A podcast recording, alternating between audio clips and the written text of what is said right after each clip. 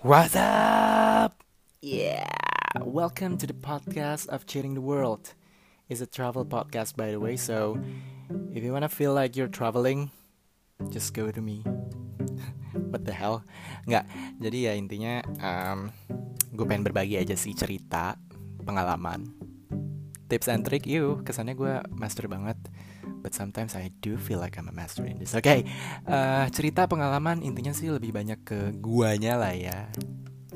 Cuman kalau lo mau nanya-nanya ya silakan. Uh, caranya bagaimana? Gue masih belum tahu karena ini baru episode pertama. Gue belum tahu mekanismenya. Gue belum tahu gimana um, caranya mengumpulkan um, pertanyaan audio dari orang-orang terus gue masukin ke rekaman gue. Iya, gue nggak tahu sih. Gue masih harus pelajarin itu. But untuk sekarang ya udah mungkin one way dulu ya. Gue aja yang bercerita. Karena emang banyak sih yang mau gue ceritain uh, mengenai perjalanan perjalanan-perjalanan traveling gue selama ini. Karena ya mengingat kita sekarang nggak bisa ngapa-ngapain kita nggak bisa keluar-keluar nggak bisa jalan-jalan oh my god I have a plan. Bulan Juli gue masih takut banget ini nggak bakal sampai kejadian. Jadi ya udah deh ini uh, salah satu cara buat menghibur diri gue juga makanya gue adakan uh, podcast-podcast ini gitu. Nah, uh, buat yang pertama ini mungkin nggak langsung ke destinasi tertentu sih, tapi gue mau bercerita tentang bagaimana gue, as you, most of you all might know, bahwa gue kalau traveling selalu melakukan uh, keliling-keliling seorang diri. Yes, solo traveling. Yeah, sounds crazy ya. It is actually. Uh, cuman kalau misalnya udah kena sekali aja, dua kali deh, atau tiga. Kalau gue sih sekali, sekali traveling sendirian terus langsung ke Cantol. Lo nggak bakal pengen traveling rame-rame lagi sih nggak nggak bercanda. Tapi emang rasanya beda banget sih. Sebenarnya tergantung dari personality masing-masing sih. Kalau lo emang doyannya rame-rame ya ya udah nggak usah. Kecuali kalau emang lo pengen coba. Tapi kalau uh, kalau lo emang pada dasarnya introvert seperti gue gue tuh anaknya introvert sejujurnya. Makanya uh, kemarin banyak yang komentar ih ke Vicky malu-malu podcastnya. Ya udah sih maaf. Nah mungkin bukan mungkin sih gue yakin solo solo solo traveling is just the way you're going to live sih It's, it's your call, really. Karena gue tadinya nggak kepikiran sama sekali, gue coba sekali, keterusan dan nggak bisa berhenti. Nah, jadi apa sih yang mau gue ceritain sebenarnya? Kenapa gue suka solo traveling? Mungkin bisa cerita dari itu dulu kali ya. Atau mungkin cerita awalnya adalah bagaimana bisa ini semua dimulai gitu.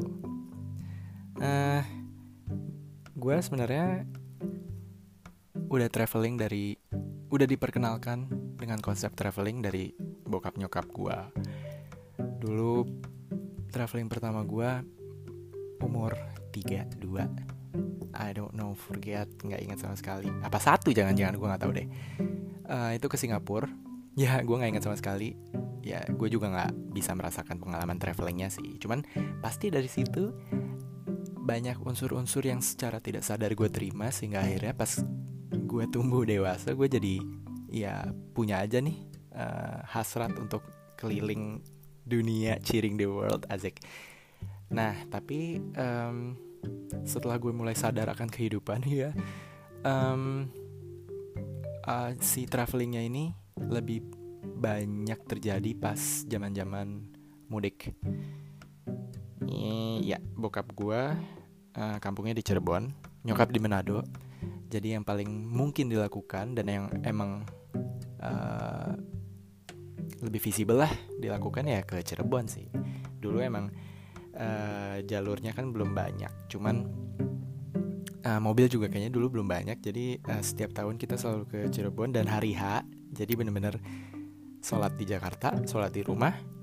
Shalalala shulululu terima tamu makan ketupat jam abis makan siang abis uh, sholat zuhur berangkat sampai di Cirebon uh, sunset way uh, jam 6 maghrib. Jadi dari situlah mulai terpupuk mental tahan banting gue buat jalan-jalan karena ya ya ngerti lah ya jalan-jalan itu kan nggak bisa langsung tiba-tiba ha sampai sana have fun pulang tidur uh, posting shalala shululu nggak. Ada sebuah perjalanan yang harus lo lakukan dan di situlah kadang-kadang uh, yang bikin orang-orang males ya nggak sih? Tapi gue nggak sih. Sejujurnya uh, uh, apa perjalanannya itu sendiri adalah part dari traveling yang kadang nggak kalah seru dari travelingnya itu sendiri gitu. Nah, terima kasih kepada Cirebon karena sampai tahun berapa ya gue tetap mudik gitu? Kayaknya sampai kelas 1 SMA deh. Berarti umur berapa tuh 2008 2007 aduh umur berapa sih gue aduh ada yang bisa hitungin. Tiga uh, lima belas enam belas. Ya mungkin kalau nggak salah sih sampai umur segitu gue masih mudik. Um, berapa tahun tuh berarti? Dari ah ya lah matematik mulu dari tadi capek gue kapan ceritanya sih? Um, ya sekitar 10 tahun 15 tahun. Nggak 10 tahunan lah gue bolak balik tiap tahun ke Cirebon gitu dari situ uh, fisik gue mungkin sudah tertempa sehingga berikut-berikutnya perjalanan yang apalagi cuma naik pesawat doang ya gampang banget sih gue lewatin.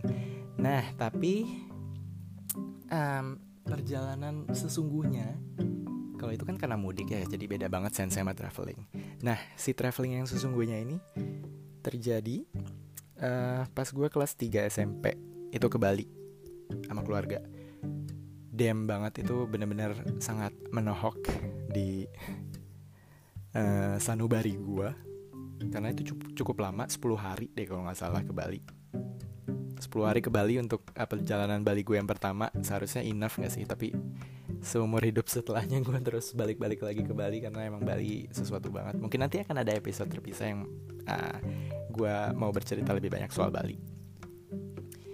Nah itu kelas 3 SMP gue lagi eager-eagernya untuk uh, mencari dan menemukan jati diri. Jadi gue ingat banget dulu pas ke Bali yang pertama itu uh, tujuan utama gue, wait, oh my god, enggak deng.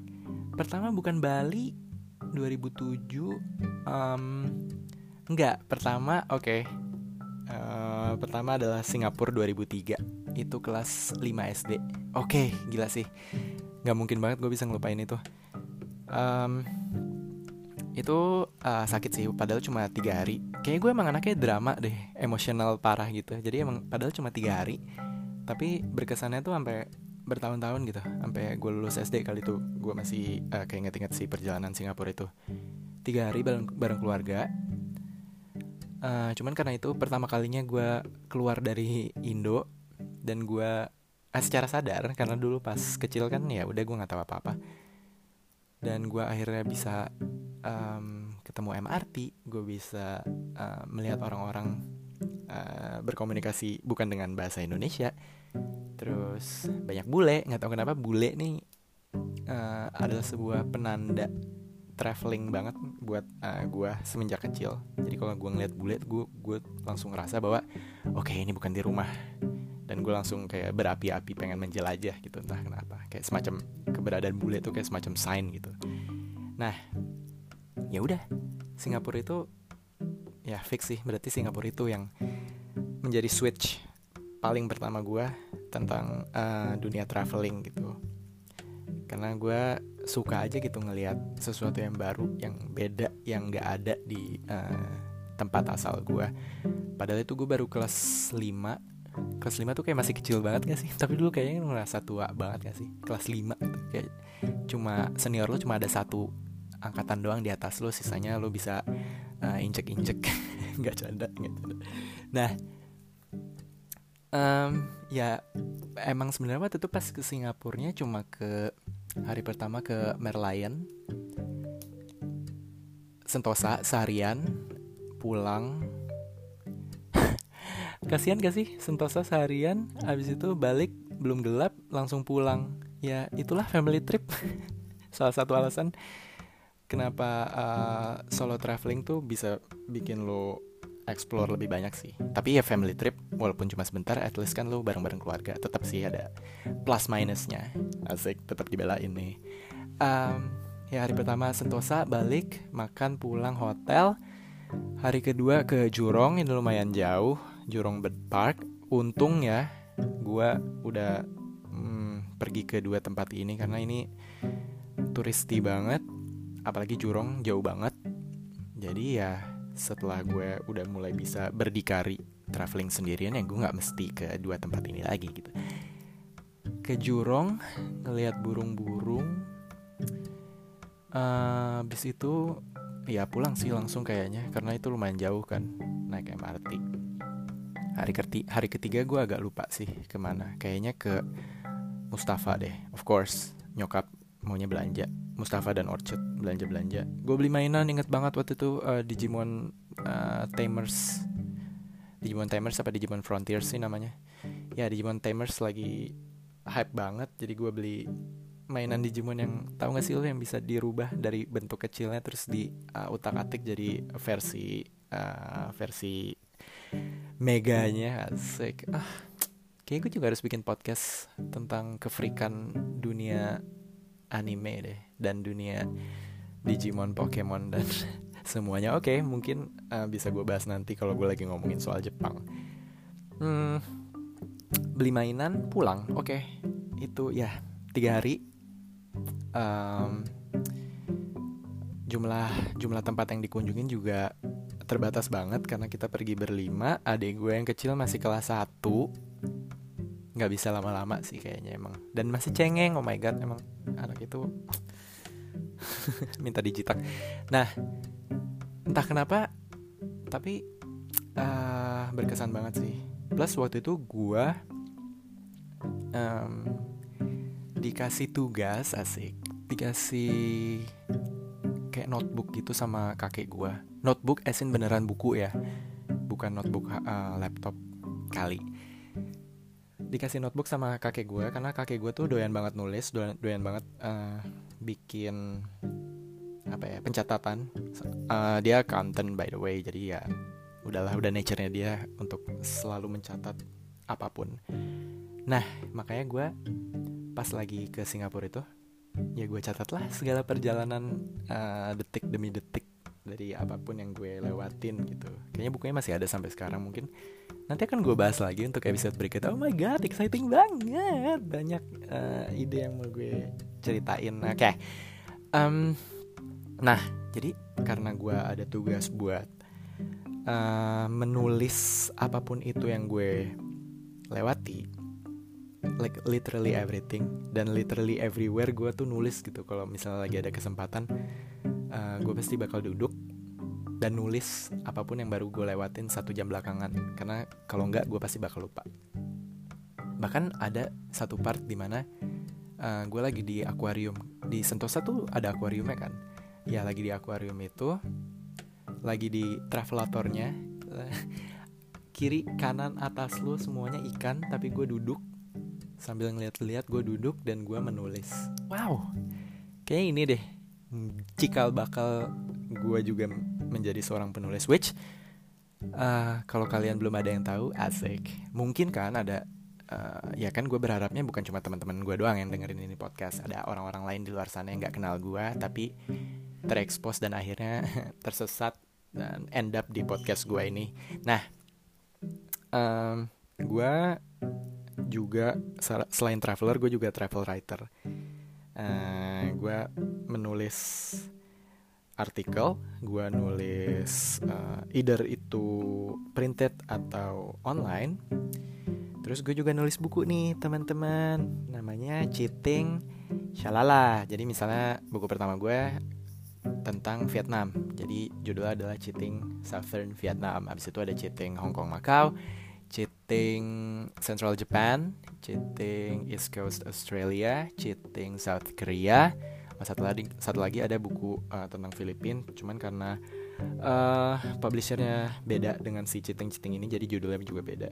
Intinya gue mau promosi nih gengs. Bahwa uh, gue uh, punya buku gue nulis buku dan dijual di Gramedia. Dijual juga versi digitalnya online jadi silahkan dicari. Citing cheating-cheating yang tadi gue sebutkan atau lo bisa mampir ke Instagram gue. Oh my god. Siapa yang nyangka sih gue bakal jualan kayak gini? Secara audio lagi.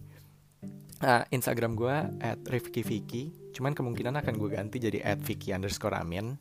Entah kapan uh, ya pokoknya ada di situ lah kalau mau cari judul-judulnya atau bisa ke web gue www.cheatingtheworld.com oke okay, jijai capek gue jualan nah ya jadi ya um, gue intinya gue adalah travel writer bukan travel blogger gue nggak punya nggak punya uh, YouTube channel or whatnot nah jadi ya si Singapura ini gue baru baru sadar sih baru sadar banget pas lagi ngomongin ini si Singapura ini ternyata menjadi awal mula dari uh, hasrat gue untuk traveling dan hasrat gue untuk travel writing. Oh my god, one trip yang hanya cuma tiga hari tapi berkesan banget dan bisa determine my way of life itu something sih. Oke, okay.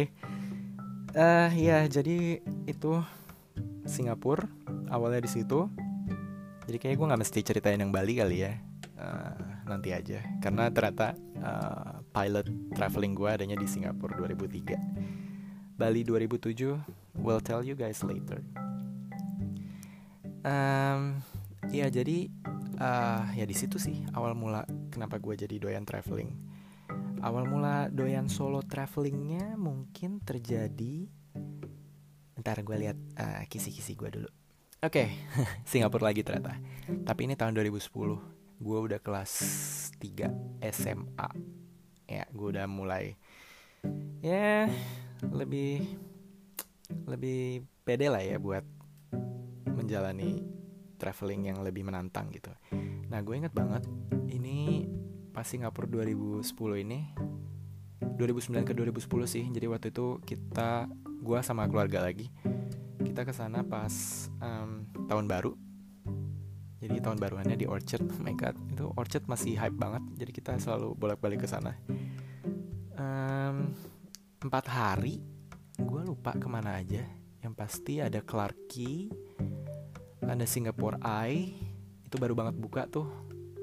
Jadi uh, langsung langsung banget dicoba. Terus apa lagi ya? Lupa gue ke mana kenapa gue lebih ingat yang 2003 ya of course karena itu lebih berkesan. Sekarang gue baru ingat kenapa gue sangat mengingat perjalanan itu. Gue sih 2010 ini empat hari. Um, abis itu ada satu saat di mana gue nggak tahu kenapa pengen banget nih misah dari uh, keluarga gue cuman nggak yang tiba-tiba kita lagi jalan rame-rame terus bu ya cabut dulu ya ntar ketemu lagi. Nggak sih gue nggak segila itu. Dan gue belum seberani itu. Jadi kita udah sampai hotel. Uh, pokoknya kalau sama keluarga gue dulu kalau udah sampai hotel ya udah selesai gitu. Berarti uh, we call it a day gitu apalagi udah malam udah kayak jam 7 jam 8 ya udahlah mau ngapain lagi gitu paling cuma keluar-keluar di sekitaran situ aja ke mall beli es krim Wandala Habis itu ya udah balik lagi ke kamar hotel Nah, tapi suatu malam nih, gue tiba-tiba kepengen banget buat jalan sendiri. Untungnya ada adik gue gak ada yang pengen ngintilin sih. Jadi ini bener-bener gue pengen jalan sendiri, gue pengen tahu gimana rasanya gue bisa keliling sendirian. Dan pas mereka udah di hotel ya udah gue izin gue mau uh, keluar gitu. Entah ke mana gue masih belum kepikiran, tapi gue mau keluar uh, membawa kartu uh, eh, MRT sendiri dan uh, pocket camera sendiri. Ya, gue pengen foto-foto lah gila. Uh, sebuah pencapaian banget gak sih lo bisa jalan-jalan sendirian untuk seukuran anak ingusan usia nggak ingusan banget sih kayak gue udah umur 18 deh waktu itu cuman ya nggak banyak kan orang umur 18 mau willing buat jalan-jalan sendirian di negara orang lagi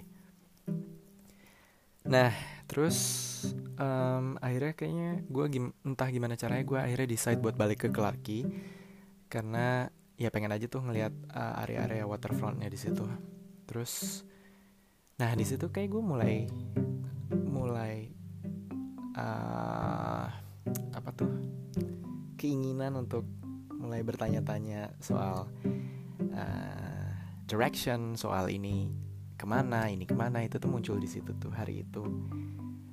Gue nanya sama petugas di MRT-nya ke mana kalau mau exit yang mana nih yang harus gue ambil buat gue balik ke uh, waterfrontnya Clarky terus pas sampai sana with a feel of super super achieved super achieved feel of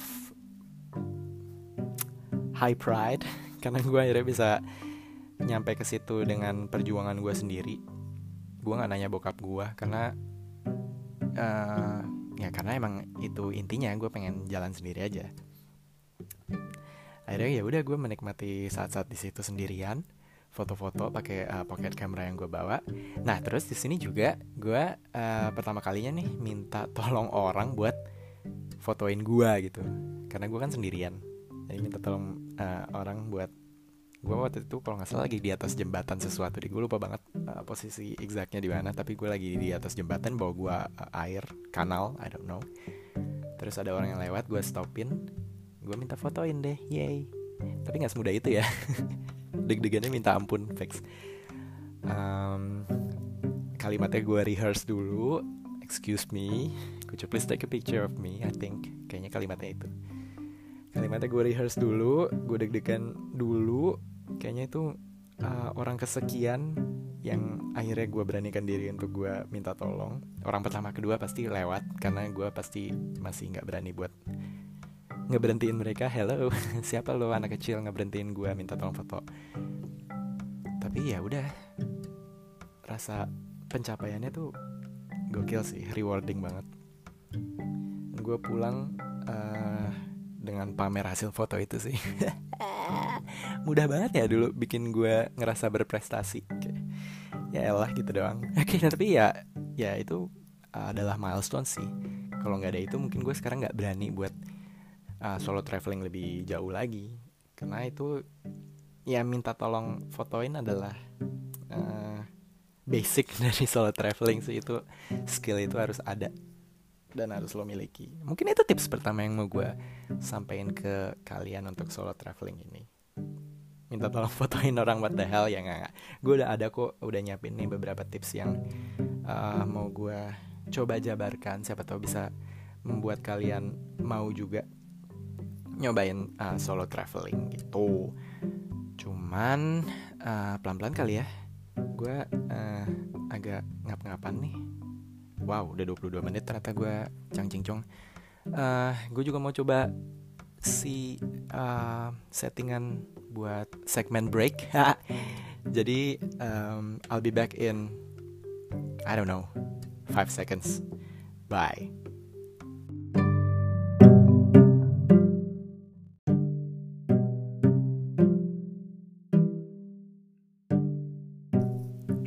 Halo, I'm back.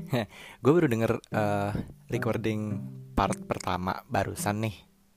Terus gue baru menyadari lah kenapa itu isinya uh, cerita-ceritaan gue doang ya. Belum masuk ke inti dari episode ini gitu. Yaitu uh, kenapa gue solo traveling dan apa tips and triknya. Ya, gue bakal coba ceritain di sini sih. Jadi semoga kalian masih bersama gue ya. Bear with me. Bentar lagi gue akan masuk ke situ.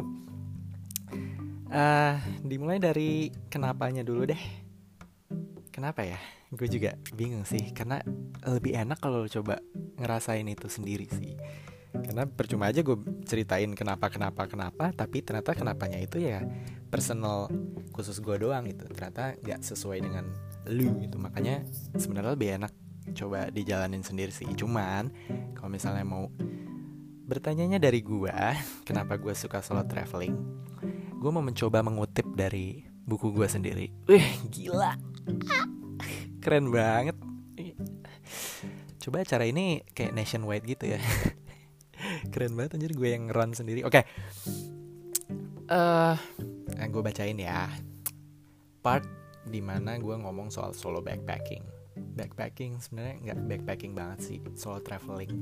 Backpacking tuh kesannya hidup gue merana gitu, padahal nggak. Gue nggak pernah traveling pakai carrier. Gue selalu bawa koper, emang anaknya suka pemalas. Jadi intinya solo traveling sih. Di sini gue uh, memulai dengan sebuah paragraf. Apa yang terlintas di benak Anda ketika Anda ketika mendengar dua kata sakral itu? Solo traveling. Menegangkan? Suram? Gila? Jawabannya adalah ya, tidak, dan bisa jadi. Namun yang pasti, solo traveling bagi saya, cie saya, adalah cara terbaik untuk traveling. Itu yang gue klaim di buku gue. Dan emang ya dalam hidup gue sih, solo traveling itu adalah cara terbaik. Kenapa? Karena sejuta kemungkinan bisa terjadi. Iya sih, gue jujur gue kadang suka sosok puitis gitu kalau lagi nulis di buku gue. Uh, terus gue melanjutkan, tidak banyak yang perlu diatur dan dipikirkan. Oke, okay, emang itu sih intinya adalah gue bisa lebih uh, spontan gitu. Gak uhui, jayus. Uh, ya, jadi gue nggak perlu terlalu banyak mikir. Ya udah, gue uh, sesuai yang gue pengen aja. Gue mau ke mana, hari itu gue mau ke mana. Kalaupun itinerary yang gue udah set ternyata gue lagi nggak pengen, ya udah gue tuker gitu. Beda kan kalau misalnya lo pergi rame-rame ya lo harus kompromis gitu. Lo nggak bisa uh, cuma meng menginginkan yang lo mau itu terjadi nggak ada keinginan dari orang-orang lain yang juga harus dipenuhi gitu. Karena lo uh, jalannya rame-rame. Ini uh, di rumah gue lagi ada uh, kerusuhan benerin tangki air jadi semoga nggak kedengaran ya.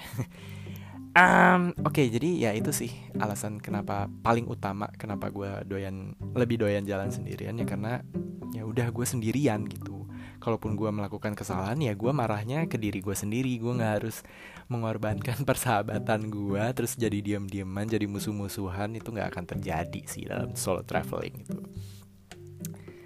abis itu gue bilang nih di buku mengakali segala urusan perwisataan bukanlah sesuatu yang sulit karena ya hanya dilakukan seorang diri dan untuk satu orang aja.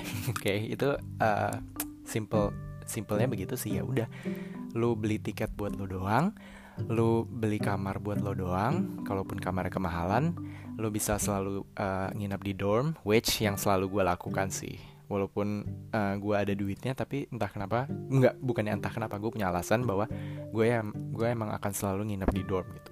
Kenapa begitu? Ntar deh gue coba uh, bikin episode terpisah untuk dorm. Um, dan percayalah, dengan solo backpacking, kesempatan untuk berbuat curang akan muncul di mana-mana. Yeah, cheating, asik. Maksudnya ya lo bisa macam-macam deh. Lo bisa tiba-tiba uh, minta tolong orang lokal gitu. Kalau misalnya ramean kan belum tentu uh, teman-teman lo mau gitu berkomunikasi dengan orang lokal gitu. Kalau sendirian kan ya udah terserah gue dong. Nah, dengan berada di daerah asing sendirian, semua orang menjadi teman again lo bisa ngobrol sama semua orang. Ya ini sih justru uh, inti dari solo traveling yang gue doyan adalah di sini. Kalau lo pergi rame-rame tendensi lo untuk lebih eksklusif lo ngobrolnya sama teman-teman lo doang ya itu besar banget gitu. Beda sama lo uh, kalau sendirian karena lo nggak punya teman buat diajak ngobrol ya lo ngobrolnya sama orang-orang di sekitar lo mau itu hmm, uh, kasir kek mau itu petugas uh, stasiun kek mau itu sesama traveler akan lebih baik lo bisa jadi bisa jalan-jalan bareng tapi intinya ya lo akan lebih communicate aja sih dengan dunia sekitar lo gitu. Bisa menyapa bisa ketemu sesama backpacker pengalaman lokal dapet kehilangan kesan turis juga enggak gitu kata gue dalam buku ini si sotoy.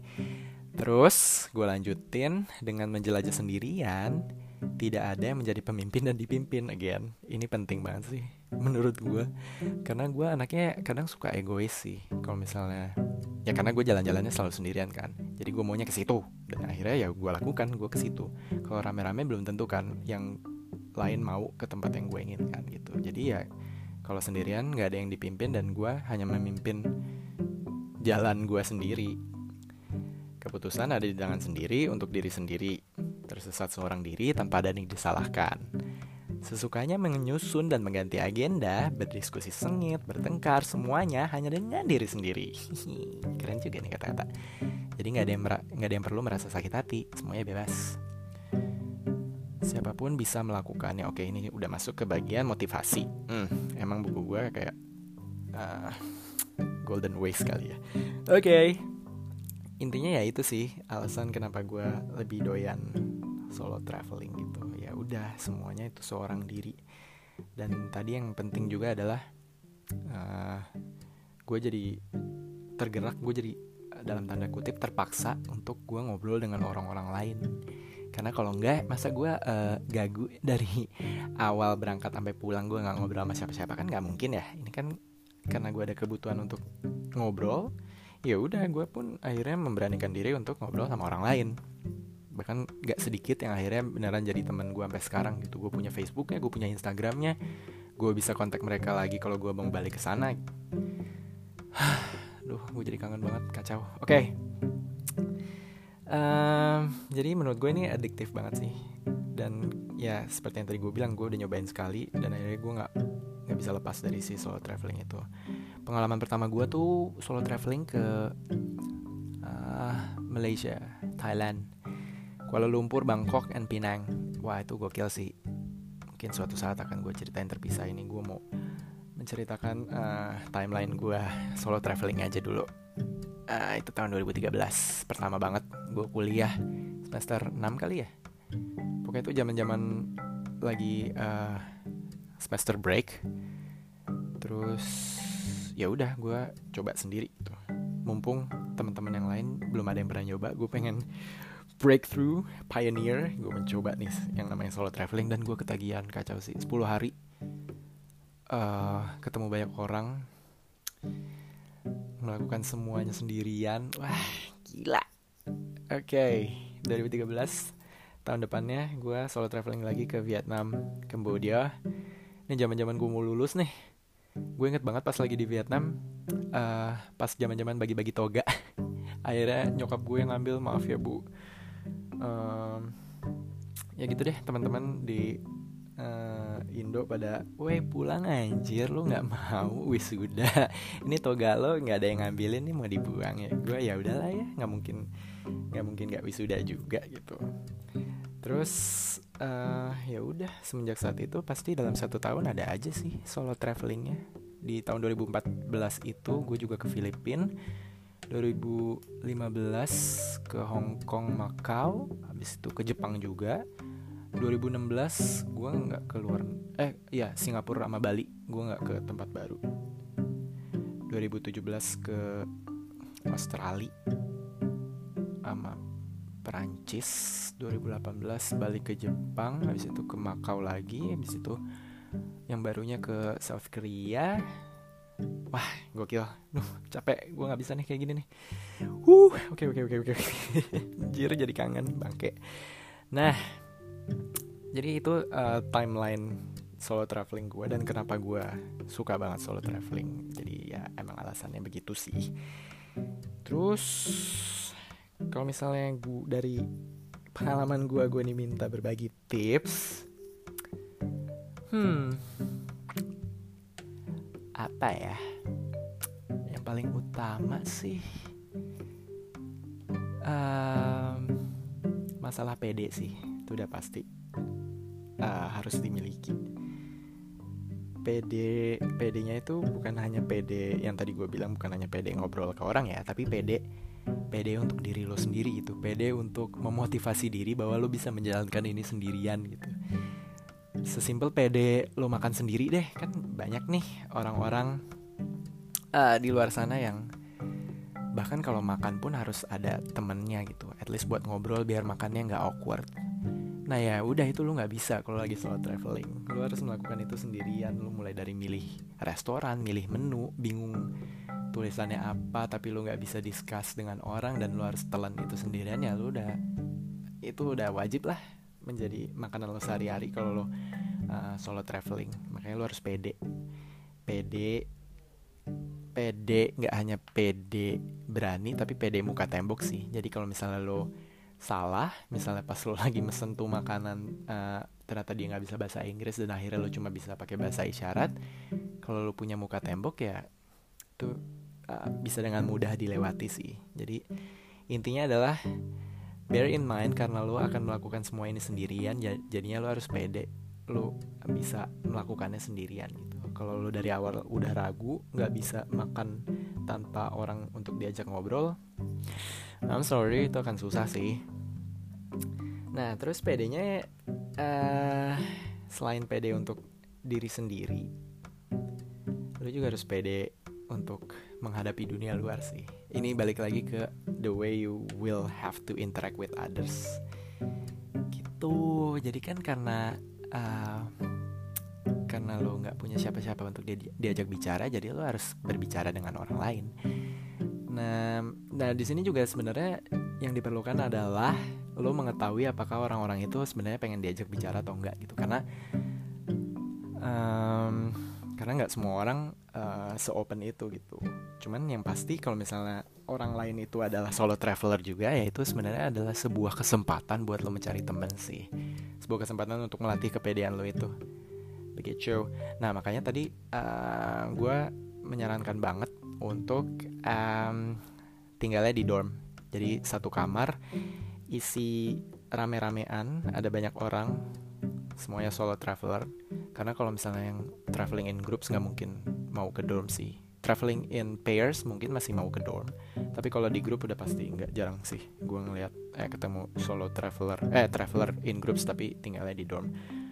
Um, ya yeah, jadi dorm tuh sebenarnya bisa jadi channel yang pas banget sih buat ngelatih uh, kemauan lo untuk berinteraksi dengan orang lain. Dan gue makanya gue nggak pernah nggak mau tinggal di dorm sih karena justru ini jadi kesempatan gue bisa berteman dengan orang-orang baru. Nah uh, ya awalnya sih mungkin emang lo harus lebih proaktif kali ya lo yang memulai duluan gitu. Lo yang coba-coba ajak bicara uh, lo yang um, apa menginisiasi conversationnya itu. Cuman lama kelamaan kalau emang lo udah terbiasa untuk uh, ngobrol dengan orang gak dikenal kadang nih nggak tahu kenapa lo nggak memulai pun lo nggak ngasih tanda-tanda bahwa lo pengen ngobrol pun justru nanti orang lain itu yang datang ke lo ngajak ngobrol. Itu udah pencapaian tertinggi gua dalam segi uh, social activity sih kalau lagi traveling. Jadi mungkin karena gue udah terlalu sering uh, muka tembok ngajak orang bicara duluan jadi uh, nggak tahu ya mungkin muka gue jadi terkesan lebih friendly lebih open untuk diajak bicara. Makanya gue nggak ngapa-ngapain pun. Kadang gue baru datang nih lagi unpacking. Baru uh, bener-bener cuma beres-beres doang. Terus ada yang masuk penghuni kamar yang udah duluan datang ke situ. Ngajak ngobrol duluan deh. Nah ya udah itulah bisa menjadi awal mula persahabatan kita bagai kepompong. Nah jadi ya intinya ya lo harus mulai duluan sih. Latihan-latihan dulu di beberapa solo traveling awal lo. Sehingga nanti berikutnya pas lo udah punya that aura, that air of a solo traveler, independent solo traveler, ntar orang-orang, orang-orang, orang-orang yang justru bakal nyamperin lo sih, ngajak ngobrol sih. Wow, keren banget. Kangen traveling. Ah, kenapa sih corona? Ah, oke. Okay. Terus masih soal PD karena ini menurut gue penting banget sih. PD itu dimiliki oleh uh, seorang solo traveler. Uh, pede di sini juga pede soal nekat, nekat in terms of wider sense sih, nggak cuma nekat ngajak orang ngobrol doang, tapi nekat macam-macam kayak uh, nekat ikut tour sendirian, nekat um, jalan ke uh, sebuah tempat wisata yang jauh banget entah di mana itu sendirian nekat buat uh, mampir ke museum sendirian karena ya museum tuh agak ini emang agak susah sih gue akuin karena ke museum itu kan enaknya lo punya uh, tandeman buat diajak ngobrol gitu. Misalnya lagi ngeliat sebuah lukisan terus lo pengen sok-sok mengapresiasi dan sok-sok menginterpretasi ini lukisan apa enaknya kan kalau ada orang yang bisa diajak ngobrol ya. Ini kan lo sendirian ya lo makanya lo harus bisa muka tembok pede dan nekat untuk melakukan itu seorang diri ya pokoknya intinya nekat dan jangan takut untuk tersesat ah ini sih Huh, tersesat tuh emang bagian dari traveling banget kan. Kalau misalnya tersesatnya in groups atau at least berdua lah, masih enak gitu. Lu bisa uh, nyari jalan keluar bareng-bareng, panik bareng-bareng, bisa nyari solusi bareng-bareng. Kalau sendiri lu panik seorang diri itu emang kadang saksi um, cuman ya ya itu. Makanya lu harus punya uh, kenekatan dan kepedean itu untuk getting lost. Kalau misalnya lu sewaktu-waktu tersesat ya udah nggak apa-apa. Lu bisa dengan tenang menjalani ini semua. Dan uh, yang penting nggak panik sih. Nah terus mungkin gue mau cerita lagi sedikit. In my case gue tuh kalau misalnya keliling-keliling uh, gue tuh kalau misalnya traveling nggak uh, hampir hampir nggak pernah uh, nyewa wifi atau beli uh, internet package. Gila sih emang kadang setelah dipikir-pikir. Cuman uh, gue tuh anaknya gampang banget ke distract ya. Apalagi kalau habis ngeliat sesuatu rasanya tuh pengen he uh, post atau at least wa siapa gitu pamer eh gue lagi di sini nih shalala bagus banget shalala shalala. Nah gue tuh nggak mau nih gue tuh pengennya kalau lagi traveling ya udah experience experience the whole surroundings sudah fullest gitu. Gue pengennya ya udah gue nggak usah pasang lagu gue bener-bener immerse to sekitar.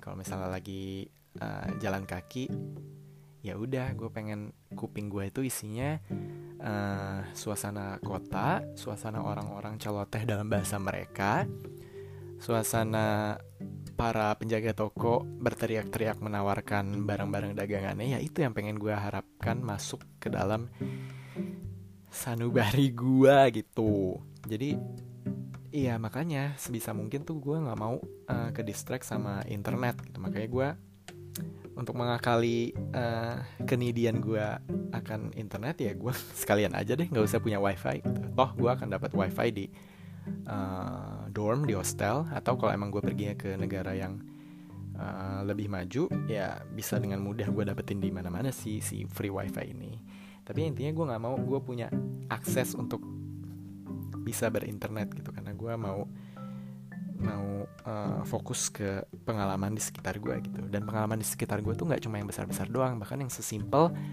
hmm, suara-suara uh, di MRT gitu misalnya di Thailand.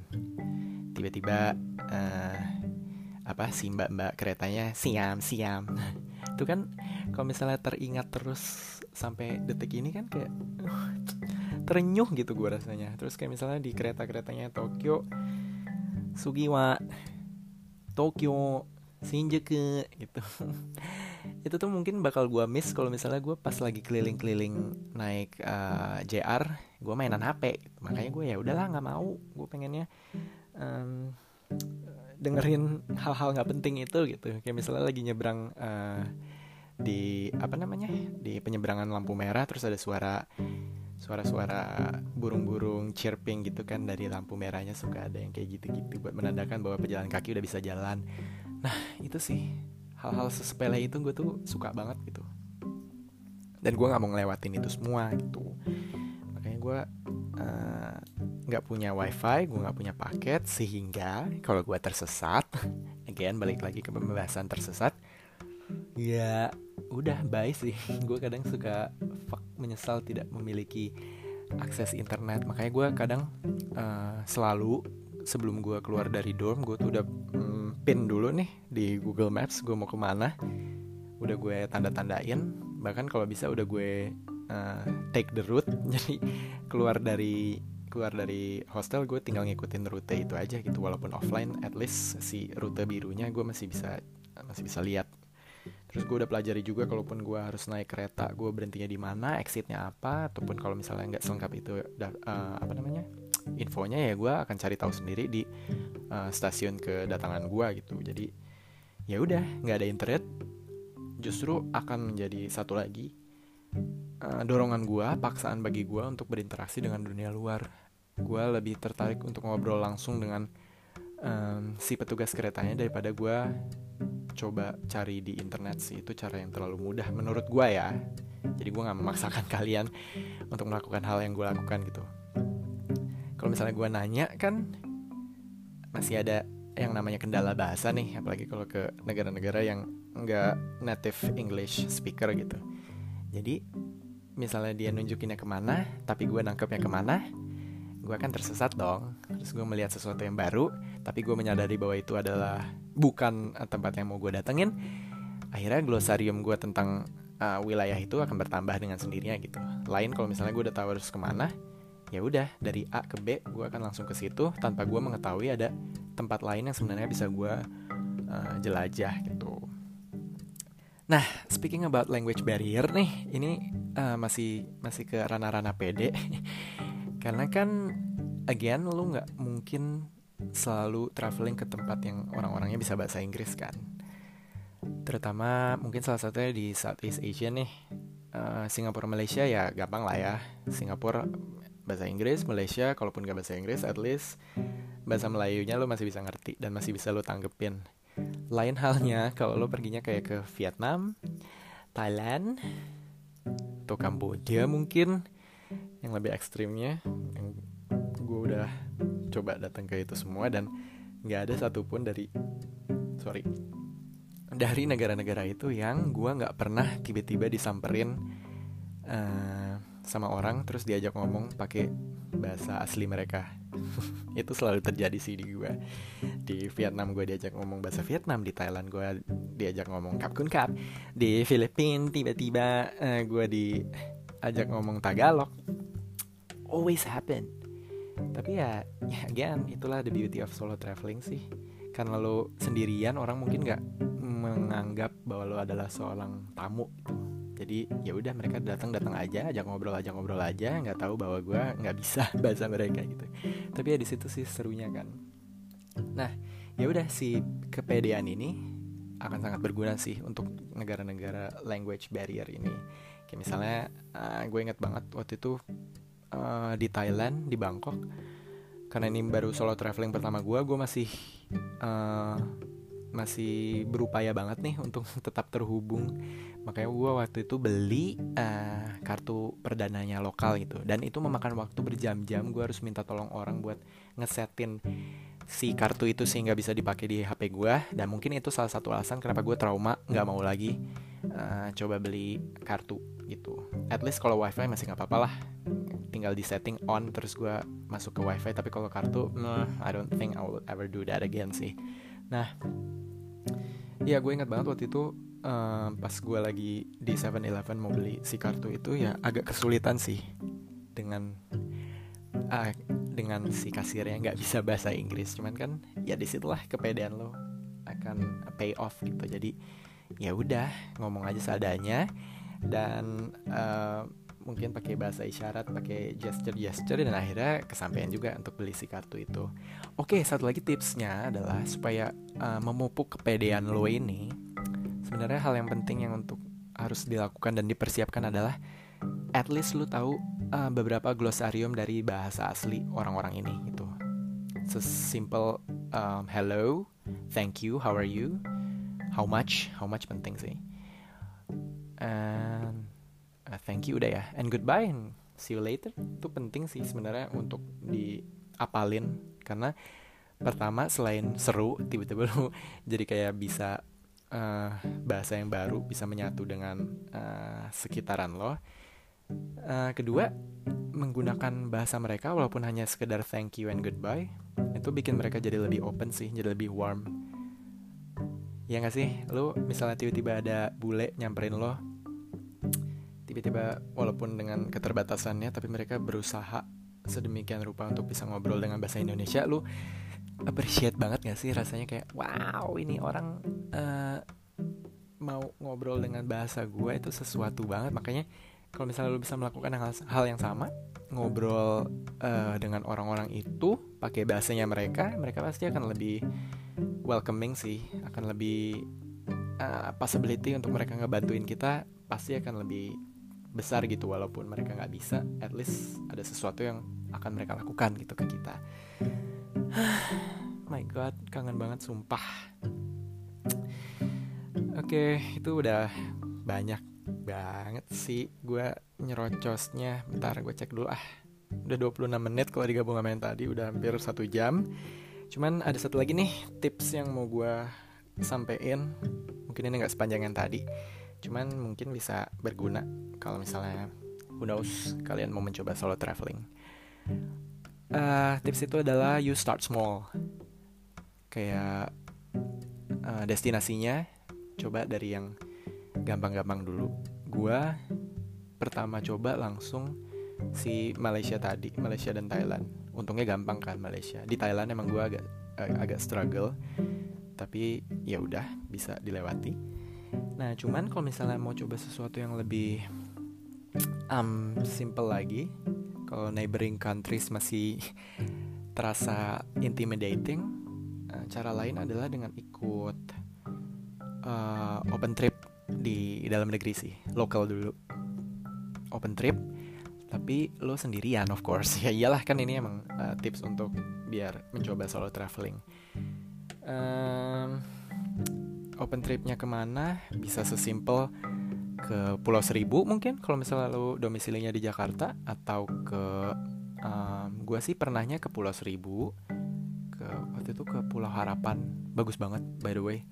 Dan gue sendirian waktu itu kayaknya berdua puluh deh. Berdua puluh habis itu pecah gitu. Sepuluhnya itu anak-anak SM anak-anak kecil lah mereka bersepuluh tuh jalan-jalan.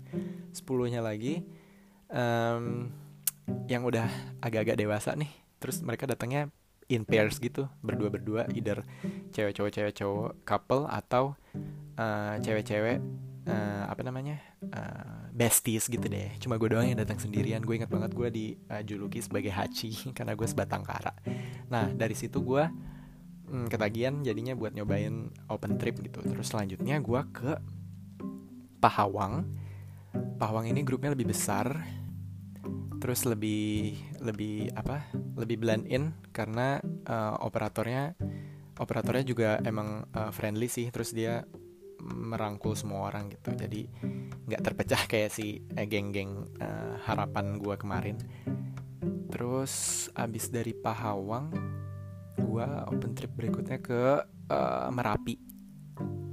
Pulau Sabesi dan uh, sekitarannya. Wah itu gokil sih. Gue uh, kayaknya salah satu pengalaman snorkeling yang the best yang pernah gue alami udah gitu gokilnya juga karena uh, orang-orangnya ini orang-orang yang ada di open trip gue ini mereka lumayan lumayan apa ya lumayan asing dengan konsep solo traveling. Jadi pas gue mendatangi mereka satu persatu ke circle mereka masing-masing terus gue memperkenalkan diri atau mereka yang nanya ke gue terus mereka kayak amazed gitu wow ada ya ternyata orang bisa jalan-jalan sendirian gitu cuman ya outputnya verdictnya ya gue jadi mungkin hanya gue satu-satunya orang yang uh, uh, apa kenal dari sir semua circle-circle itu sih. Kalau mereka kan again karena mereka traveling in groups ya udah mereka akhirnya ngobrolnya ya sesamanya mereka aja. Sementara gue karena gue nggak ada pilihan lain gue harus bersatu gue harus uh, bisa coba ngobrol dengan ya mereka semua gitu. Karena kalau misalnya gue hanya hanya gelendotin salah satu circle. Possibility pertama mungkin belum tentu mereka welcoming dengan kehadiran gue possibility kedua ya bisa aja mereka pas lagi asik sendirian. Kan gue nggak mungkin JB ya siapa lu? Makanya pas mereka lagi asik sendirian gue uh, gabung dengan gabung dengan circle lain gitu. Terus um, ya jadi makanya kenapa ini open trip paling berkesan karena uh, semua orang sangat impress dengan kehadiran gue dan gue uh, bisa uh, merangkul semua orang juga gitu loh gue kenal dengan semua. On top of emang si snorkelingnya top banget sih. Gue akan sangat rekomend kalian kalau mau uh, snorkeling ke uh, apa? Selat Sunda apa? Uh, Krakatau.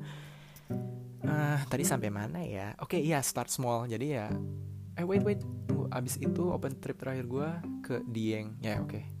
Uh, ini hmm, pas 17 Agustusan tahun 2017 kalau nggak salah. Yap, terakhir ke situ. Abis itu gue terlalu fokus dengan solo trip gue ke luar jadi open trip gue agak terlantar. Cuman gue akan selalu, akan sangat tertarik untuk coba lagi sih untuk um, coba lagi eh, destinasi-destinasi dalam negeri lainnya gitu. Nah jadi ya udah emang itu sih tips gue uh, selanjutnya soal solo traveling ini lu mungkin coba dari yang mudah-mudah dulu cari tahu apakah ini merupakan jalan hidup lo ini merupakan jalan ninja lo. Kalau misalnya enggak ya udah at least open trip paling apa sih cuma tiga hari. Dan bayarnya paling mahal gope lah. Kayaknya nggak mungkin ada yang lebih mahal dari itu deh. Open trip yang 200 300an juga banyak at least tahun 2017 ya nggak tahu deh gue uh, udah lama nggak coba ngecek lagi. Cuman pasti banyak banget yang murah karena karena kan uh, apa si operatornya bayarnya paketan ke vendor-vendor mereka. Jadi ya kitanya juga bisa ditagihnya dengan lebih murah gitu. Hmm yep I would really recommend uh, local open trip sih uh, untuk coba-coba latihan dulu. Karena again itu tadi lebih murah dan nggak nggak uh, nggak uh, butuh nggak butuh perencanaan yang terlalu matang gitu. Dan again itinerary-nya juga udah diatur oleh mereka jadi lo bisa fokus ke survive the social pressure aja sih. Yang lain-lainnya kayak makan tempat tinggal kan semua udah diaturin gitu. Jadi ya cocok lah untuk jadi bahan pembelajaran untuk mencoba solo traveling. Ah uh, oke. Okay. kayaknya udah terlalu banyak deh yang gue omongin terus lagian uh, kisi-kisi gue juga udah habis nih. Jadi mungkin itu yang bisa gue bagiin soal solo traveling, solo traveling as in my personal experience sama solo traveling uh, hacks yang selalu selama ini selalu gue terapin. Dan di gue sih works banget ya. Makanya gue akhirnya pergi lagi pergi lagi seorang diri. Karena uh, sangat mempan di gue dan sangat berkesan jadi gue lakukan terus. Nggak tahu kalau di kalian akan works atau enggak cuman nggak ada salahnya mencoba. Apalagi uh, banyak nih yang udah nanya-nanya uh, gimana caranya memulai solo traveling. Dan tapi sebenarnya yang lebih rewarding gue mau bercerita soal reward utama dari solo traveling sih. Selain pengalaman yang jauh lebih berkesan at least buat gue sebenarnya uh, salah satu reward lain yang gue paling sangat enjoy adalah ketika orang-orang bertanya misalnya Vic uh, kemarin abis dari let's say abis dari Italia terus dia nanya dong sama siapa? Jawablah gue dengan bangganya sendirian dong. Terus mereka kayak fuck? Oke semua respon semua ekspresi orang-orang ketika mereka tahu gue traveling sendirian apalagi kalau destinasinya jauh itu pff, fulfilling banget sih itu rewarding banget. Nggak tahu ini ego macam apa yang gue pupuk dalam hati gue cuman ya kalau misalnya ada udah ngelihat si ekspresi itu rasanya abis itu gue langsung pengen book tiket terus gue beli lagi trip-trip berikutnya gitu supaya si ekspresi orang-orang ini kayak endless gitu loh. Selalu selalu ada yang bertanya dan selalu ada yang kaget gitu. I don't know it's a bit freaky. Dan kesannya kayak apaan banget sih cuman cuman ya lu cobain deh sendirian. Eh, maksudnya lu cobain itu dulu terus tunggu sampai ada yang bertanya dan lu bakal tahu rasanya seperti apa gitu. Gokil sih. Tapi itu hanya side reward karena sesungguhnya reward utama. Yang akan sangat terasa banget adalah ya pengalamannya itu sendiri sih. Gokil sih. Banyak banget hal-hal yang gue rasain yang mungkin gak bakal gue bisa temuin kalau gue nggak uh, jalan-jalan sendirian. Terutama gue ketemu orang-orang lain dan spontaneous spontaneous uh, decisions that I made thanks to me being alone gitu. Capek cuma ngomongin doang. Gue pengen jalan-jalan lagi bangsat.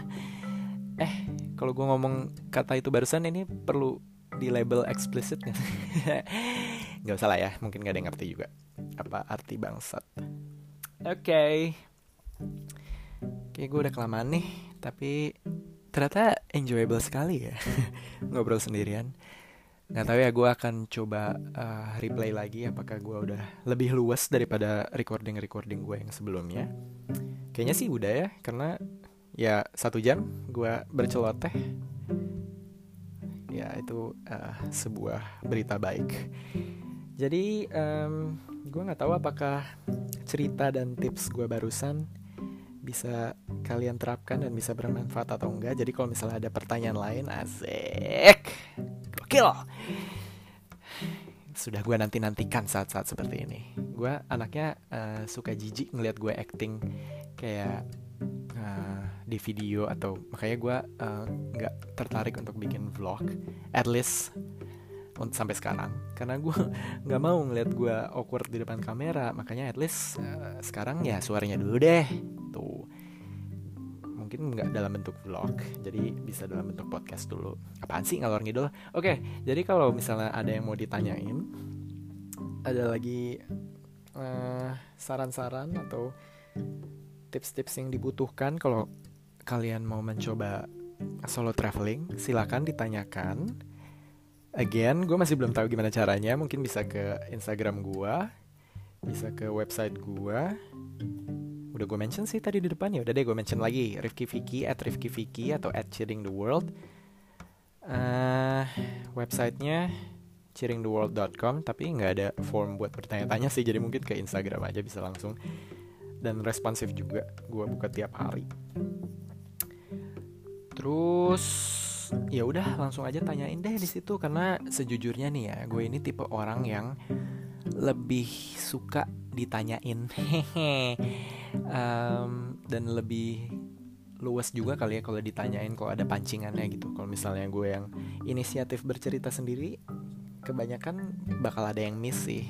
Jadi selama ini kebanyakan ya jadinya inti-intinya gitu kadang suka leleran karena gue anaknya gampang ke distract dan gampang mudah beralih.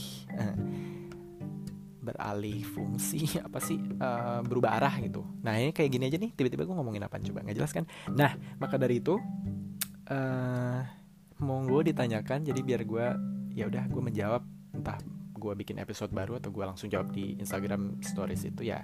Eh, Stories di uh, DM Instagram itu ya. Silakan ditanyakan. Um, untuk episode berikutnya gue mungkin akan mulai bercerita tentang sesuatu yang lebih ke specific destination. Gak tahu sih destinasinya apa atau mungkin wishlist. Soalnya kemarin ada yang nanyain itu juga. Pokoknya semua yang berbau solo traveling kayaknya gue cukupkan di episode ini aja. Ntar snippet-snippet solo traveling lainnya pasti akan gue sebar di episode episode episode berikutnya. Huh, oke. Okay. Semoga uh, pada betah ya. Ini episode pertama gue yang bener-bener ngomongin soal traveling. Semoga kalian masih uh, mendengarkan nih sampai detik ini. Uh, gue nggak tahu uh, apakah si celotehan-celotehan tadi uh, pada akhirnya membuat kalian kabur. Semoga enggak ya. Dan semoga bermanfaat semuanya. So I'll see you in the next episode of Cheering the World. Travel Podcast. Ciao.